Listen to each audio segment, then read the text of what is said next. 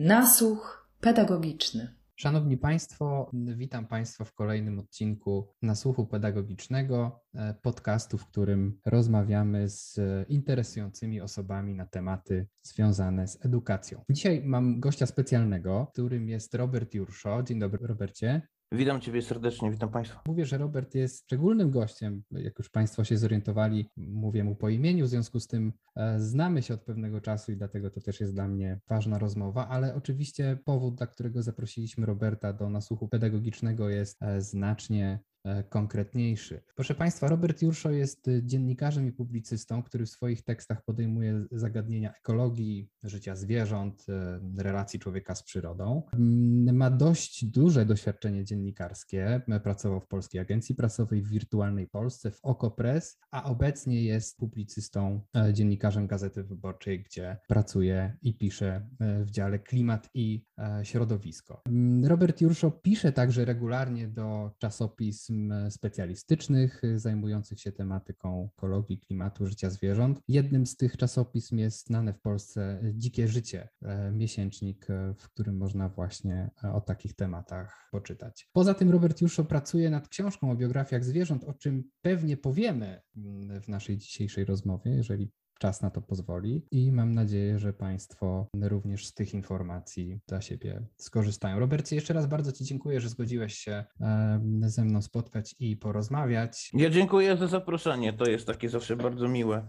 E, jasne, bardzo się cieszę. Zaprosiłem Cię dlatego, że w czasopiśmie, które wydajemy w ZCDN w refleksjach, zajmujemy się w bieżącym numerze tematyką e, klimatu, ekologii, e, nauczania o przyrodzie w szkole i pomyślałem, że dobrze byłoby te wątki połączyć i porozmawiać z Tobą właśnie o tych zagadnieniach, o których pokrótce powiedziałem. I na początku chciałbym poruszyć taką kwestię, która mnie interesuje ze względów osobistych. Jak to się stało, że zainteresowałeś się tematyką przyrody i ochrony środowiska? Jak w ogóle wszedłeś w te zagadnienia jako e, dziennikarz? A może stało się to e, znacznie wcześniej niż zaczęła się Twoja przygoda z dziennikarstwem? E, to jest w ogóle strasznie długa historia i ona e, sięga faktycznie daleko w przeszłość, nie tylko e, w moją, że tak powiem, pracy, e, mojej pracy dziennikarskiej, bo tak na dobrą sprawę, ja w ogóle nie jestem przyrodnikiem z wykształcenia, jestem z wykształcenia filozofem, skończyłem filozofię, ale dosyć szybko jakby stało się, czy nawet w liceum, stało się dla mnie interesujące zagadnienia związane z, z, z filozofią ochrony przyrody, z tak zwaną ekofilozofią. Później pojawiło się zainteresowanie naukami o zachowaniu się zwierząt, które nawet mi zostało, bo, e, e, bo nawet skończyłem studium w tym kierunku, e, więc to się zaczęło jakby dla mnie naturalnym, jakby ponieważ byłem typem raczej piszącym niż działającym, więc dla mnie naturalnym jakby było, że w pewnym momencie zacząłem po prostu pisać na te tematy i, i początkowo to była taka okazjonalna publicystyka do miesięcznika Dzikie Życie, ale w momencie, kiedy zostałem dziennikarzem e, Okopres, tam, że tak powiem, zbudowałem dział ekologii praktycznie od zera, e, no i jakby, e, e, no i w pewnym momencie też przeszedłem do Gazety Wyborczej, gdzie jakby mogłem dalej się w tym kierunku rozwijać, więc jakby to jest taki proces, który trwał wiele lat, no i jakby zakończył się tym, że w końcu zacząłem tym się zajmować profesjonalnie, tak? Mm, z czego jestem bardzo zadowolony oczywiście, więc jakby to był dosyć długi, e, e, długi, ale bardzo ciekawy dla mnie proces. Jasne, a jak z Twojego punktu widzenia wygląda przygotowanie mm, młodego człowieka rozwijającego się, uczącego się na poziomie szkoły podstawowej czy średniej do obcowania z przyrodą, do rozumienia przyrody, do interesowania się przyrodą? Jakie były Twoje doświadczenia w tym zakresie? Bo wspomniałeś o liceum, że jakby Twoje zainteresowanie przyrodą zaczęło się właśnie w szkole. Czy, czy, czy masz takie wspomnienia, odczucia związane z właśnie uczeniem się przyrody, które były pozytywne? No tak, jakby one były, bo jakby nie tylko książki oczywiście e, w tamtym czasie, ale przede wszystkim kontakt z przyrodą. Mhm. Zawsze najważniejszą rzeczą e, e, w, w uczeniu się przyrody jest kontakt. Natomiast ja mogę powiedzieć, że to, czego mi brakowało na każdym etapie jakby nauczania przyrodniczego, kiedy ja je przechodziłem, to jest to, że praktycznie jest tak, że kontakt z żywą przyrodą w tym nauczaniu jest znikomy. To znaczy, uczniowie Mhm. mają, że my tak mieliśmy, mieliśmy jakieś książki, mamy jakieś zeszyty ćwiczeń, ale to jest jakby taka przyroda zapisana na kartkach książek, podręczników, wyciągnięta, że tak powiem, ze swojego takiego e, właściwego środowiska i zamknięta w czterech ścianach e, sal nauczania. To nie jest dobry kierunek jakby. Mhm. No, w ten sposób można uczyć o literaturze, e, pewnie w jakimś stopniu o historii, chociaż w przypadku nauczania historii również ważny jest kontakt z miejscami historycznymi, z zabytkami i tak dalej. E, Natomiast w przypadku nauczania przyrody żywy kontakt z przyrodą jest kluczowy, ponieważ choćby z tego względu, że jedną z kluczowych kompetencji, e, e, na którą można pracować i sobie w sobie taką wykształcać, no to jest umiejętność obserwacji, tak? która jest Mhm. w ogóle w biologii na przykład bardzo ważna. Ja myślę, że to jest istotna e, uwaga dla wszystkich osób, które nas słuchają i uczą takich przedmiotów przyrodniczych jak biologia czy geografia. Ale też powiem Ci, że mm, współcześnie wydaje mi się, że w porównaniu do czasów, kiedy my chodziliśmy do szkoły i mamy jakieś tam doświadczenia e, z uczeniem się przedmiotów przyrodniczych, to od tych czasów e, sporo się jednak zmieniło i chyba coraz częściej nauczycielki, nauczyciele wyciągają młodych ludzi właśnie poza mury szkolne. Zresztą to jest jeden z takich dosyć sensownych kierunków współczesnej, współczesnej dydaktyki tych przedmiotów, e, żeby To właśnie... Ja bym zauważył tutaj jeszcze Mhm. E, Jasne, Może jeszcze proszę. jedną rzecz, znaczy, e, e, która jest ważna, której nie było jeszcze, kiedy my Aha. byliśmy Sławku młodzi, bo my już nie jesteśmy młodzi, chciałbym zauważyć, e, której wtedy nie było, a z której ja na przykład dzisiaj e, e, korzystam, to jest, to jest cała sfera multimediów. Jasne. Ja dzisiaj, kiedy wychodzę, wychodzę w teren, a staram się to robić tak często, jak tylko mogę, no to zawsze mam ze sobą lunetę, pod którą mogę sobie podpiąć na przykład nawet zwykły telefon komórkowy, który mi nagrywa to, co ja obserwuję. Mhm. E, I na przykład wykorzystanie czegoś takiego na zajęciach e, z przyrody, e, żeby na przykład zarejestrować jakieś ciekawe zachowania zwierząt, a czasami całkiem zwyczajne zachowanie tych zwierząt, jakby kształtuje nie tylko kompetencje takie związane z umiejętnością obserwacji przyrody, poruszania się w terenie, czy, czy uważności takiej na to, co nas otacza w takim terenie przyrodniczym, ale to są kompetencje, bo potem z tym materiał trzeba przecież pociąć, go trzeba jakoś zmontować, Mhm. Także Mhm. inne, jakby inne kreatywne umiejętności. Dzisiaj to daje technologia. To, to, o czym mówię, można zrobić przy pomocy zwykłej lornetki telefonu komórkowego, pod warunkiem, że mam tylko adapter, który nam Jasne. pozwala na podpięcie, na podpięcie takiego telefonu komórkowego. Więc mi się wydaje, że te możliwości potem możemy się czymś takim podzielić, nie wiem, na Facebooku czy w innym medium społecznościowym. Jest jakby multum możliwości, które nam dają media społecznościowe i współczesne, współczesne media. I nie wiem, czy ja nie, nie, nie potrafię powiedzieć, czy współczesna szkoła to wykorzystuje, bo mi się wydaje, że chyba nie. Jasne. E, Dobrze, że wspominasz o mediach społecznościowych, bo to też chciałem Ciebie zapytać i ja oglądam sobie z zainteresowaniem Twój profil. Zresztą wszystkim Państwu polecam e, e, obejrzenie profilu Roberta Jurszy na Facebooku. Ja sobie patrzę na zdjęcia, które tam zamieszczasz i zdjęcia oczywiście z Twoich e, bliższych lub dalszych wypraw. E, I ty jesteś przygotowany jak e, człowiek, który idzie na no, e, e, taką szkołę przetrwania. No, jesteś odpowiednio ubrany do pogody, masz właśnie taki sprzęt, który świadczy o tym, takie artefakty, które świadczą o tym, że jesteś e, człowiekiem, e, e, człowiekiem z, z przyrodą związanym. Właśnie masz lornetkę, lunetę, plecak, e, czasami fotografujesz jakieś swoje e, jednostki pływające. Ostatnio pamiętam, że coś takiego się pojawiło, jakiś ponton, tak, specjalny. E, Tak, tak, oczywiście, oczywiście. Więc jesteś takim człowiekiem, który... Fachowo nazywa to się, fachowo nazywa to się packraft. O, to nie wiedziałem tego. No, to, to ja się też dzisiaj czegoś nauczę od ciebie.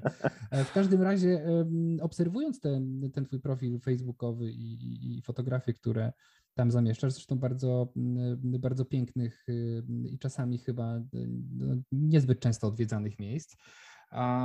Po- pomyślałem sobie, że ten właśnie twój kontakt z przyrodą jest w tym wszystkim, co robisz, y, najważniejszy i to, w jaki sposób ty traktujesz przyrodę, w jakim sensie wynika e, właśnie z tego faktu, że lubisz spędzać czas na łonie natury. No tak, ja to często powtarzam, że gdybym nie musiał pracować, to bym siedział cały czas tam, no to taka prawda. I nic bym nie pisał.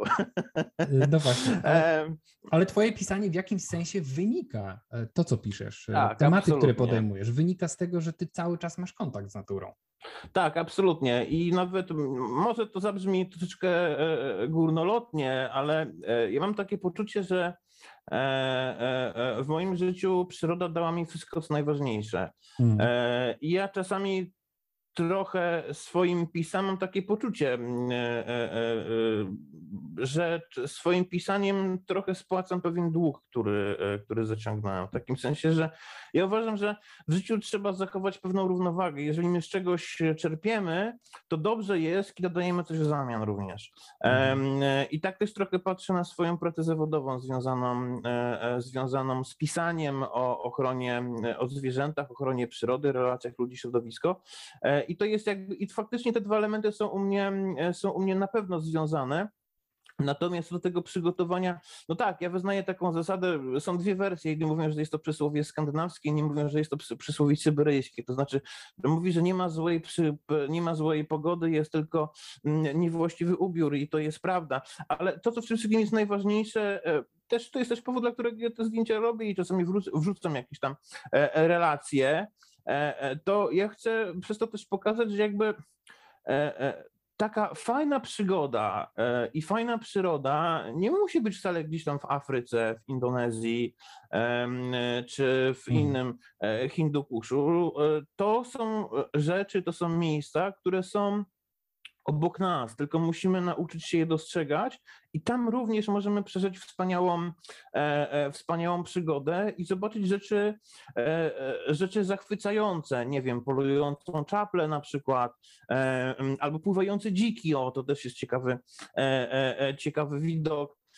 Więc jakby to, to jest ważne, tylko musimy być do tego jakby, jakby przygotowani, no i nie stracić trochę opory czasami przed takimi rzeczami, jak jakaś tam niewygoda związana z mhm. poruszaniem się w miejscu e, gdzieś tam poza jakąś utartą ścieżką czy, e, e, czy pogodą, ale ta, ta przygoda, i to chyba też jest edukacyjnie ważne, ta przygoda, te żywe emocje, one są dostępne dosłownie tutaj na miejscu, szczególnie w Szczecinie, który jest miastem no absolutnie genialnie położonym przyrodniczo, bo ja nie znam drugiego takiego miasta w Polsce, może poza Olsztynem, e, które by w sposób tak wręcz genialny łączyło element przyrodniczy e, z, z wielkomiejskim, no bo e, Tereny zielone i wodne Szczecina to jest, to jest blisko 45% jego powierzchni. To jest ogromna ilość. Mhm. Mamy praktycznie trzy puszcze w zasięgu, bo jest od, zacho od zachodu jest Wkrzańska, od południa jest Bukowa, i od zachodu jest, e, od wschodu, przepraszam, jest Puszcza jeszcze e, Goleniowska. Do tego jeszcze na ter, mamy Dolinę Dolnej Odry, której Szczecin również jest częścią, więc dla tych, którzy chcą pójść sobie w przyrodę i przeżyć tam coś fajnego, zobaczyć coś ciekawego, czym mogą się zachwycić, czasem zasmucić, bo przyroda, dzika przyroda czasem zasmuca. To jest moim zdaniem absolutnie genialne miejsce. E, ty masz w swoim, e, że tak powiem, przyrodniczym e, biogramie taką działalność na pograniczu edukacji i, i właśnie obcowania z naturą, prawda? Ty się zajmowałeś tak. organizowaniem czasu młodym osobom, które chciały się dokształcić w tym zakresie, spędzić czas z tobą na łonie natury. Na przez, czym ta działalność przez, polegała? Przez kilka lat zajmowałem się po prostu survivalem, e, mhm. czyli tak zwaną sztuką przetrwania. E, tylko ja robiłem to e, z takim nachyleniem raczej e, e, środowiskowym, ekologicznym. To znaczy, była to też, oprócz tego, że oczywiście uczyliśmy się jakichś tam umiejętności. Myślę, że survival jest też ciekawy psychologicznie, w takim sensie, że on uczy wiary w siebie i to jest jedna, mhm. jeden z takich ważnych elementów w ogóle tego, tej formy rekreacji, bo jakby to nazywamy też, to jest pewna forma rekreacji, którą uprawiamy, ale też on nas zbliża do przyrody, bo uczy nas trochę takiego patrzenia na przyrodę, trochę jaki, jaki mieli tacy dawni ludzie, łowcy, zbieracze, którzy musieli tą przyrodę odpowiednio e, wykorzystać, żeby przetrwać, ale przede wszystkim uczy nas takiej bliskości przyrody e, e, i jeżeli jest dobrze prowadzony, to również do tej przyrody szacunku. Także tak, tak, to jest, w ogóle uważam, że survival jest świetnym narzędziem do robienia takich rzeczy. Masz jakieś ulubione miejsce na Pomorzu Zachodnim, w którym wyjątkowo lubisz spędzać czas? Nie mam takiego jednego miejsca. Jest takich miejsc, e, e, jest takich miejsc kilka. No to na pewno byłaby, e, byłaby Puszcza Bukowa. Niestety mhm. w, od wielu lat, przynajmniej od kilku lat, bardzo silnie eksploatowana ekonomicznie i czasami łapie się za głowę, kiedy znajduje miejsca, które kiedyś mnie zachwycały, a dzisiaj widać, że są to drogi z kolejnami na pół metra rozjeżdżone przez ciężki sprzęt do wywozu drewna. Mhm. E, I za to odpowiada niestety nadleśnictwo Gryfino i trzeba to powiedzieć e, e, wprost. E, Ale póki co całe szczęście Puszcza Bukowa również ma swoje piękne miejsca. E, Bardzo lubię Dolinę Dolnej Odry. To jest w ogóle moje takie powtórne odkrycie, ponieważ mieszkałem przez, mieszkaliśmy przez 6 lat w Warszawie. E, e, e, Od pół roku znowu mieszkamy w Szczecinie, więc dla mnie Dolina Dolnej Odry ze swoimi rozlewiskami, łęgami, podmokłymi łąkami, e, ogromną ilością wspaniałych gatunków ptaków, to jest w ogóle świetne miejsce. Ja też polecam bardzo stronę niemiecką, ponieważ o ile w Polsce mamy tylko park krajobrazowy Dolina Dolnej Odry, to zaraz po stronie niemieckiej, mniej więcej na wysokości Gryfina, zaczyna się niemiecki Park Narodowy e, Doliny Dolnej Odry.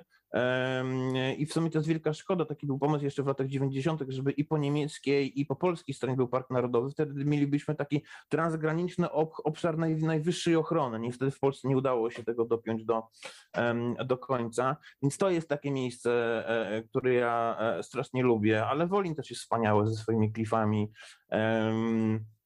E, i z morzem i to właśnie to, to jest nieco, to wszystko jest w zasięgu po prostu tego miasta, tak? To jest Mhm. dla mnie, myślę, że dla takich, dla miłośników, e, dla miłośników przyrody jest to miasto naprawdę fajne E, i ja bym jeszcze, o, co, na co bym się zwrócił uwagę, do rozlewiska Odry oczywiście, tak? Tam, gdzie można dąbie, gdzie można żeglować, kajakować, e, Także e, no, rezerwat Świdwie i w ogóle tereny wokół Świdwia, to jeden z najważniejszych rezerwatów ptasich w ogóle e, w Europie, więc nie, nie mam jednego miejsca. To znaczy mam to szczęście, że, e, że takich miejsc nawet w pobliżu Szczecina jest, e, jest po prostu wiele.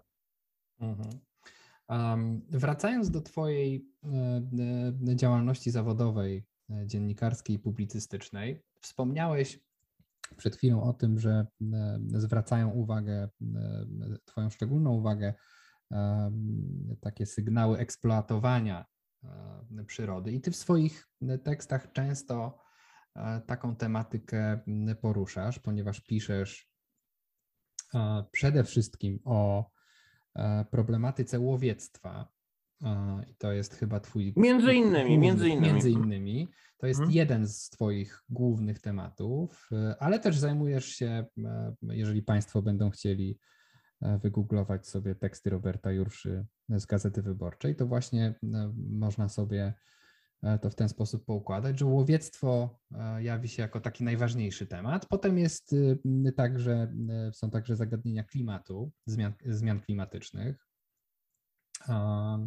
ale też takie powiedziałbym e, społeczne, społeczne kwestie, to znaczy związane na przykład z parkami narodowymi, e, z tym w jaki sposób obcujemy z, z przyrodą i z naturą na co dzień, nie tylko jako jednostki, ale też jako społeczeństwo, jak traktujemy przyrodę.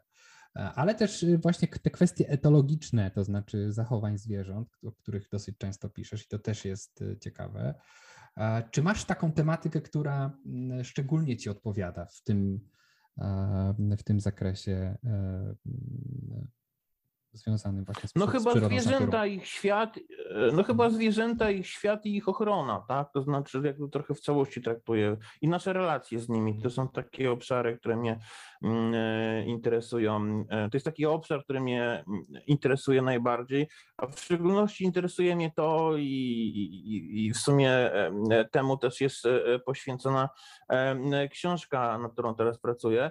E, To jest kwestia tego, jak one postrzegają świat. To znaczy, mi się wydaje, że zwierzęta są dla nas najciekawsze wtedy, e, e, kiedy my się koncentrujemy na konkretnych jednostkach, na, konkre- na, konkretnych zwierzętach, co w przypadku akurat takich e, ssaków wysoko organizowanych jak wilki, psy, koty i tak dalej mm, e, jest uzasadnione i one wtedy są najciekawsze i wtedy, kiedy próbujemy, próbujemy jakby zobaczyć świat ich oczami. To jest takie fajne też ćwiczenie, bo ono nam pozwala e, może nie zrzucić naszą perspektywę, bo to nigdy nie jest możliwe. Musimy też pamiętać o tym, że my też jesteśmy, my nie jesteśmy jakimś okiem e, Boga, które patrzy na przykład, tylko jesteśmy jednym z wielu gatunków po prostu, które sam ma swój aparat poznawczy, e, który został ukształtowany ewolucyjnie, ale w, w nasz gatunek w toku swojego historii wymyślił też takiego jak nauka.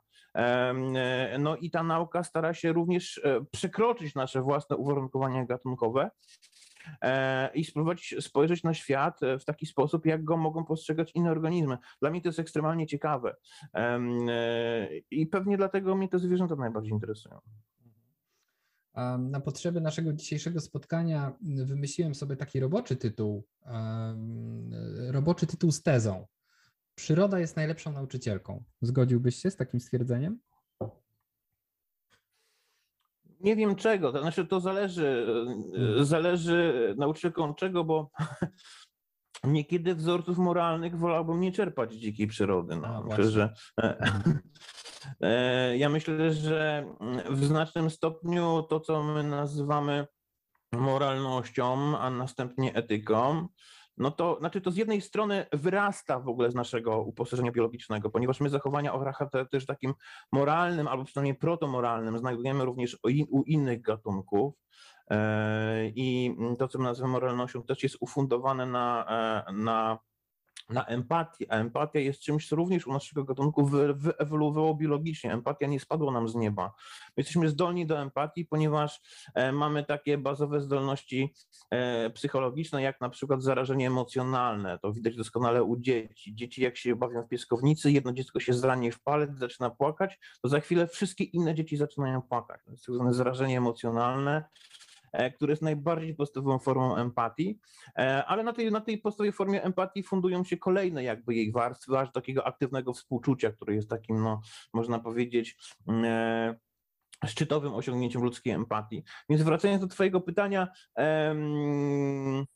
nie wiem, co to miałoby znaczyć. To znaczy, przyroda, e, e, przyroda jest na pewno interesująca, bywa przerażająca. Przede wszystkim to, o czym musimy pamiętać, przyroda jest ambiwalentna w takim sensie, że ona nie jest ani dobra, ani zła nie jest też okrutna, bywa obojętna, tak? E, w takim sensie, że w przyrodzie jest mnóstwo cierpienia, jest mnóstwo śmierci, e, ale jeżeli o tą przyrodę się troszczymy i chcemy o nią dbać, to musimy jakby tą część przyrody również akceptować. To znaczy, ja się mam sprzeciw wobec takiego. Mm, E, wobec takiego disneyowskiego ujmowania rzeczywistości przyrodniczej, która, e, który e, widzi ją tak trochę widowi, sentymentalizuje, infantylizuje, widzi ją tak widokówkowo, a trzeba powiedzieć, że to jest jakby ta akceptacja tego nawet czasem bywa trudna. Nie wiem, kto to powiedział. Chyba Schopenhauer to kiedyś powiedział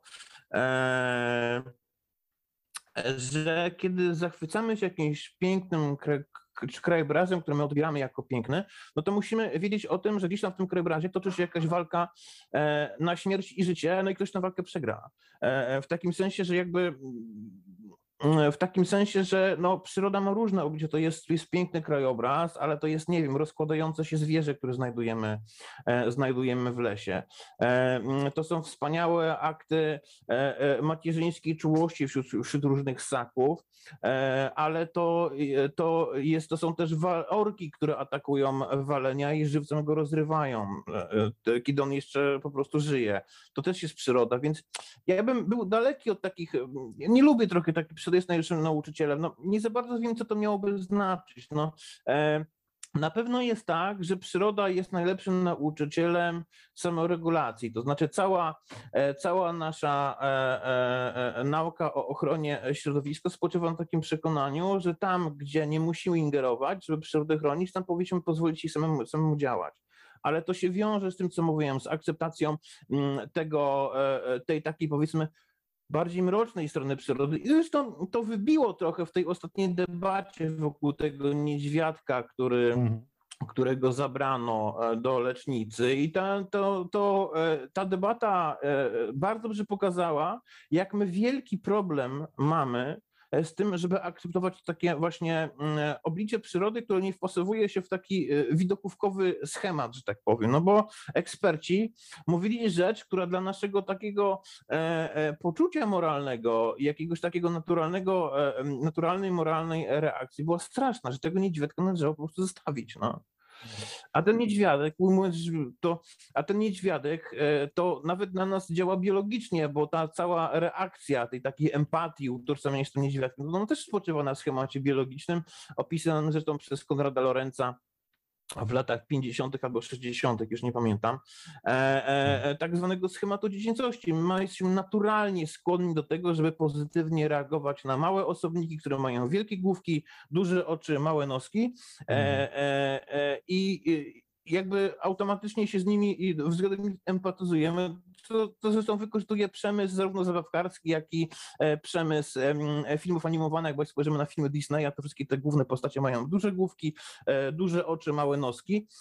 Wspomnę tylko myszkę Miki, więc ta sytuacja właśnie pokazała, jak trudno nam przychodzi pogodzić się e, z tym, że no, przyroda ma również okrutne, takie powiedzmy, może nie okrutne, ale jakieś takie nieczułe oblicze, gdzie po prostu.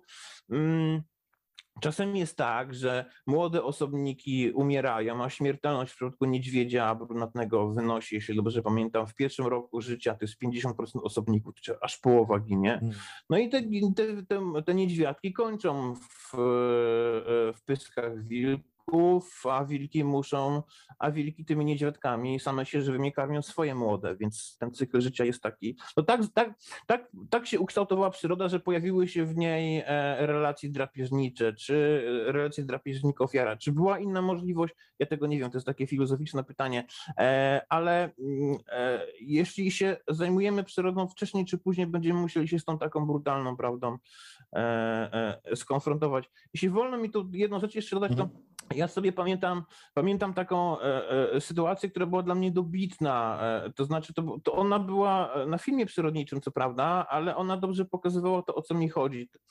E, to był film o Afryce e, i tam była taka sytuacja, że była susza, no i jedna z antylop gnu e, podeszła do takiej sadzawki, e, do takiej sadzawki z wodą, żeby się napić, ale ta e, sadzawka z wodą była otoczona taką błotnistą breją, no i ona utknęła w tej brei, nie mogła się z niej wydostać, zapadła się praktycznie aż po sam brzuch, nie? No i w pewnym momencie przyszedł ratel, mm, to jest taki mały sak zwany miodożerem, no wszedł na nią i zaczął żywcem zjadać jej pośladki, no. I, i to też jest przyroda i o tym hmm. musimy pamiętać. No właśnie, ale bo wcześniej powiedziałeś, że ten disneyowski model przedstawiania przyrody, który jest taki rozmiękczony i taki podkreślony okrągłą kreską animacji, ci nie bardzo odpowiada, ale wydaje mi się, że na drugim biegunie, skrajnym, jest pokazywanie przyrody, która jest maksymalnie wroga człowiekowi. W filmach takich fabularnych, szczególnie hollywoodzkich, na przykład wilka pokazuje się jako takie zwierzę, które jest z założenia niebezpieczne i trzeba uciekać, zabić, e, e, zrobić wszystko, żeby, żeby wilka w naszej okolicy nie było. A to przecież jest nieprawda. No to pewnie się z Tobą zgadzam. To znaczy, mamy taką, to jest ten drugi biegun taki przeciwstawny, który stara się prezentować przyrodę przede wszystkim jako źródło zagrożenia. Ta narracja jest, w, moim, w mojej ocenie, ta narracja jest szczególnie silna w środowisku łowieckim, myśliwskim, ponieważ ona tam jest wygodna, ponieważ tam się prezentuje e, przyrodę mhm. jako coś, co nieustannie trzeba kontrolować, e, bo z jakiegoś względu, e, z jakiegoś względu ta przyroda nam zagraża, bo to są drapieżniki na przykład, czy coś tam innego. Wilki oczywiście e, Nikt nie wspomni o tym, że e, nikt nie wspomni o tym, że e, ataków wilków e, po roku 45 w Polsce mamy zaledwie cztery i wszystkie zostały mm, i wszystkie zostały przeprowadzone przez osobniki, które znaczy były pogryzienia, nawet nie ataki, nie ataki z intencją zabicia i nikt nie wspomni o tym, że były to osobniki odchowane przez ludzi albo dokarmiane przez ludzi. Natomiast no, na, na, na pewno niektórym środowiskom taki wizerunek E, przyrody jako e, czegoś nieustannie człowiekowi zagrażającego e, jest na, jest na rękę.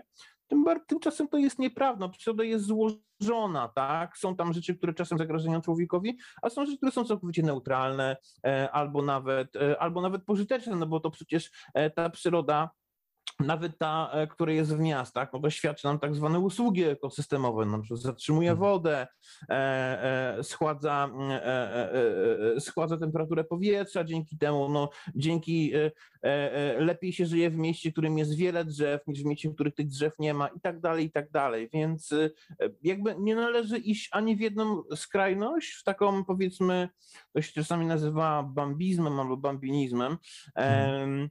Ani w tą drugą skrajność, która prezentuje przyrodę jako źródło nieustannego zagrożenia. E, natomiast no, prawdą jest to, że też kultura masowa ten wątek eksploatuje te wszystkie filmy e, jak Szczęki na przykład. No, mhm. Szczęki, te filmy o rekinach też wyrządził dużo krzywdy, ponieważ on wywołał taką histerię anty, antyrekinią e, na świecie, więc więc jest to, więc nie, nie, absolutnie nie należy iść ani jedną, ani drugą ścieżką. Mhm. E, troszeczkę powiedziałeś o, o swojej książce. Wiemy już, że ją e, przygotowujesz, opracowujesz. E, powiedz proszę, o jakich zwierzętach będziesz pisał w, w tej książce? E, tam jest, no, klucz był taki, jak mówiłem, tak? To znaczy koncentruje się na konkretnym zwierzęciu, konkretnym osobniku e, e, i staram się opisać jego książkę, opisać jego, e, przepraszam, historię, dlatego używam terminu biografia w tytule, mm. bo wydaje mi się, że E, e, e, życie zwierząt, szczególnie tych, które cechują takie środowisko świadomości i też pewna złożoność zachowań, ich losy można w jakiś sposób opisywać w ten sposób troszeczkę podobny do tego, jak opisujemy, jak opisujemy ludzkie biografie. Jest tam historia szympansa. Akurat ten tekst się ukazał w, w, w miesięczniku Pismo, jeśli dobrze pamiętam, w grudniu. Był opublikowany. I to jest, e, to jest historia e, e, relacji szympansa Dawida Siwobrodego z, z badaczką szympansów Jane Goodall. Jest tekst o Gawronie, który został zastrzelony przez, przez kłusownika. E, jest tekst o wilczycy, która musiała zostać zamknięta, e, e, zamknięta w zoo. I jakby tylko tak jak powiedziałem, to, to, co jest dla mnie ważne, to jest opisanie życia konkretnego zwierzęcia i próba zrozumienia jego doświadczenia.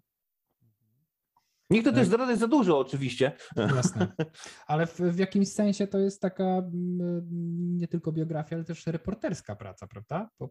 Tak, jest to praca reporterska, bo e, e, jak to w reportażu jest trochę jeżdżenia, dużo rozmawiania z ludźmi, ale to, co jest, tak jak powiedziałem, najważniejsze, to jest próba zrozumienia e, tych zwierząt. Ona oczywiście musi przebiegać też zgodnie z pewnym kanonem czy też wzorcem naukowym, w takim sensie, że no nie możemy, to też jest niebezpieczne. Niebezpieczne jest, kiedy zaczynamy fantazjować na temat zwierząt, a nie staramy się trzymać tego, co, nad czym jakby pracuje, mm, pracuje nauka. Ja staram się tego, ja staram się tego unikać w tej książce. Nie wiem, czy mi się udaje tego uniknąć całkowicie, ale chodzi o to, że czasami fantazje na temat przyrody bywają dla niej po prostu niebezpieczne. Znowu ta sytuacja na temat tego, tego niedźwiadka mi się przypomina, ponieważ wszyscy byli hmm. święcie przekonani, że można tego niedźwiadka po prostu odłowić, wyleczyć i wypuścić, a tak nie można było zrobić po prostu. Mhm. Um, rozmawiamy o takich rzeczach, mam wrażenie, cały czas, które mimo wszystko mają pozytywny wydźwięk. To znaczy i Twoja praca dziennikarska, reporterska, i tematy, które poruszasz, i zagadnienia, które wynikają z obserwacji przyrody, kontakt z przyrodą, edukacja przyrodnicza. Wszystko to mm, ma taki bardzo, właśnie powiedziałbym, pozytywny wydźwięk. Powiedz proszę, jak ty jesteś odbierany jako publicysta przyrodniczy, czy, czy dziennikarz ekologiczny, tak można by to też nazwać? Czy, czy spotykasz się z pozytywnym czy negatywnym przyjęciem? Trudne pytanie, raz pozytywnym, raz negatywnym, powiedziałbym. No, nie wiem, w środowisku myśliwskim już widziałem, że powstały dwa memy na mój temat i można to je znaczy, że jesteś sławny. Jak masz swoje memy, to jesteś sławny. Nie wiem, że to są dwa, więc jeśli już, to jestem raczej mało sławny, więc to, ale to jest zabawne oczywiście. Że trudno mi odpowiedzieć na to pytanie. E, e, i nawet niechętnie bym nawet odpowiadał na to pytanie. Myślę, że w pracy dziennikarskiej po prostu jest tak, że jednym to, szczególnie kiedy się dotyka jakichś tematów kontrowersyjnych związanych na przykład z niszczeniem przyrody, no to jednym się twoja praca podoba, a innym się twoja praca nie podoba i ja nie potrafię określić, jakie są proporcje między tymi dwoma grupami. Mhm. Przepraszam, że tak uciekam od tego pytania, ale e, z jednej strony nie chcę na nie trochę odpowiedzieć, bo mi trochę nie wypada, z drugiej strony po prostu nie wiem. Jasne. Mówiliśmy o różnych, o różnych zagadnieniach związanych z Twoją pracą reporterską, o tematach, które poruszasz. E, I często piszesz o takich rzeczach, na przykład dotyczących zmian e, klimatycznych, które mogą się wydawać no, groźne, niebezpieczne. Czy ty jako dziennikarz zajmujący się tego typu tematyką masz czasami koszmarne sny? W sensie, że wiesz, boisz się e, tego, co się może wydarzyć na świecie, boisz się gwałtownych zmian klimatu, katastrof klimatycznych? E, to całe szczęście nie oddziałuje jakoś na moją, e, na moją psychikę w takim mhm. destruktywnym sensie. Mhm. E, natomiast no, znam, znam ludzi, nawet w psychologii się mówi już dzisiaj o takich zaburzeniach lękowych związanych z, z katastrofą klimatyczną. I to się już dzisiaj traktuje poważnie. Ja, ja tak nie mam całe szczęście. To, to raczej wynika z mojej konstrukcji psychicznej, aniżeli z tego, żeby rzeczy, którymi się zajmuję, E, którymi ja się zajmuję, nie były przerażające, bo one czasem przerażające są. Pamiętam, że e, dość duże wrażenie na mnie e, zrobiły właśnie nie te powodzie, będące, które na przykład były w Niemczech, ale ja zajmowałem się takim tematem tego, że mm, w rzece Colorado, w rzece Colorado woda zrobiła się tak gorąca, że e, e, łososie, żeby nie zginęły, trzeba przewozić ciężarówkami. I pamiętam, bo one inaczej chorują, po prostu jakieś takie oparzeliny się u nich pojawią, jakieś takie wrzodowe. I to było dla mnie coś przerażającego. To znaczy, jakby, że można, e, może też stać się coś takiego ze środowiskiem, że jakiś organizm zaczyna się w nim gotować po prostu. I to mnie jakoś poruszyło. Także to był taki jeden z tematów, który mnie poruszył. Natomiast całe szczęście nie mam koszmarów z tego powodu. Mhm. Um, jakiej, chciałem zapytać, jakiej katastrofy powinniśmy się obawiać, ale to, to może jest źle sformułowane pytanie. Co z Twojej perspektywy jako e, profesjonalisty zajmującego się to, tą tematyką powinno spędzać nam sens powiek? Czego powinniśmy się najbardziej obawiać? Jakich, e, jakich zmian e, klimatu związanych z nadmierną eksploatacją przyrody? Znaczy my jako ludzkość, i to też nie powiem niczego, co byłoby szczególnie oryginalne, no bo to po prostu jest pewien też kanon współczesnego myślenia i to jest, to jest dobre rozpoznanie sytuacji. E, jakby e, stoimy przed dwoma wyzwaniami. Pierwsze to jest, e, e to jest wyzwanie mm, zmiany klimatycznej, e, e, czy też, znaczy, czy też być może raczej powinno się mówić o katastrofie klimatycznej. Do tego terminu kiedyś mówiono zmiany klimatu, globalne zmiany klimatu, ale ktoś przytomnie zauważył, że no, jakby ten termin jest taki bardzo neutralny i on nie oddaje trochę grozy naszej sytuacji. E, a to, czym są globalne zmiany klimatyczne i dlaczego one mogą mieć złe skutki, to pokazały powodzie teraz w Niemczech, które były kilka miesięcy temu, ale również powodzie e, e, w Kolumbii Brytyjskiej, w Kanadzie, pożary w Stanach Zjednoczonych e, i Kanadzie. I to jest taka nasza, e, taka nasza rzeczywistość. My, e, w Polsce problem trochę polega na tym, że my nie za bardzo jeszcze tą, e, tą katastrofę klimatyczną odczuwamy i nawet jak spojrzymy sobie na jakieś takie prognozy na przyszłość, to my będziemy odczuwali ją troszeczkę mniej niż inni, ponieważ jakby no, jesteśmy w takim, a nie innym miejscu, miejscu globu. E, e, natomiast już problemem są na przykład bardzo potężne gradacje, e, gradacje różnego rodzaju pasożytów drzew. Już wiemy, że w, w całej Polsce praktycznie są problemy z kornikiem, co też pokazuje, że polityka nasadzania wszędzie świerków czy sosen nie była najlepszym pomysłem, bo klimat się, klimat się ociepla i nagle się okazuje, jest taka prognoza naukowców z Polskiej Akademii Nauki, nagle się okazuje, że w ciągu 60-70 najbliższych lat, no to w Polsce wypadnie jedna trzecia gatunków drzew, tak? Jeśli dobrze pamiętam, jedna trzecia chyba, które po prostu cofną się na północ, bo klimat się zmieni w takim stopniu, że na przykład świerk e, będzie występował tylko e, wyspowo, ale na przykład wiemy już o tym, i to też są już e, prognozy naukowców z PAN, że, że do, końca, do końca wieku podniesie się poziom Bałtyku od 30 do 100 metrów, do, przepraszam, centymetrów, 100 metrów to byłby dramat, od 30 do 100 centymetrów, co oznacza, że na przykład Gdańsk będzie regularnie zalewany, łącznie ze Starówką, co oznacza, przepraszam, że również Szczecin może być regularnie zalewany, te, te niższe, niższe partie. No tutaj problemem jest to, że Szczecin Szczecin jest po prostu e, miastem portowym i on, nie, on ma nabrzeża, nie jako takie wybrzeże po prostu, więc, e, bo to jest miasto przygotowane do tego, żeby przyjmować, przyjmować statki.